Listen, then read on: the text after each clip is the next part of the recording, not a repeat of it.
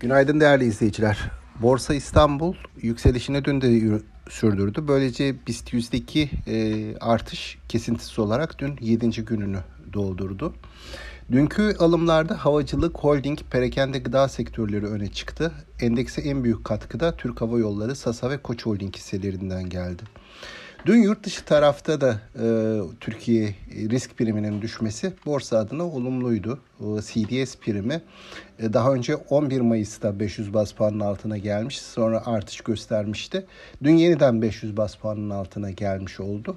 Bu o, CDS priminin 500 bas puanın altında kalıcı olmasının borsaya ilerleyen günlerde olumlu katkısı olabileceğini, risk iştahının canlı kalmasında, güçlü kalmasında olumlu katkı sağlayacağını düşünüyorum. Ee, Bugüne dönecek olursak bugün kabine toplantısı var. E, haber akışı olarak gündemi etkileyecek bir haber çıkması beklenmemeli bu seçim sonrası ilk kabine toplantısı.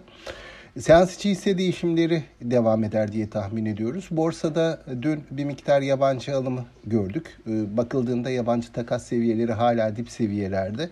Buradan hani e, önümüzdeki günlere ilişkin e, beklentiler olumluya dönmesi halinde yabancı girişleri görebiliriz. Bu devam edebilir. Ee, seans içi hisse değişimleri mutlaka olacaktır. Sektörel bazı veya tematik e, hisse değişimleri olacaktır. Bu zaman zaman kar satışlarını getirebilir endekste.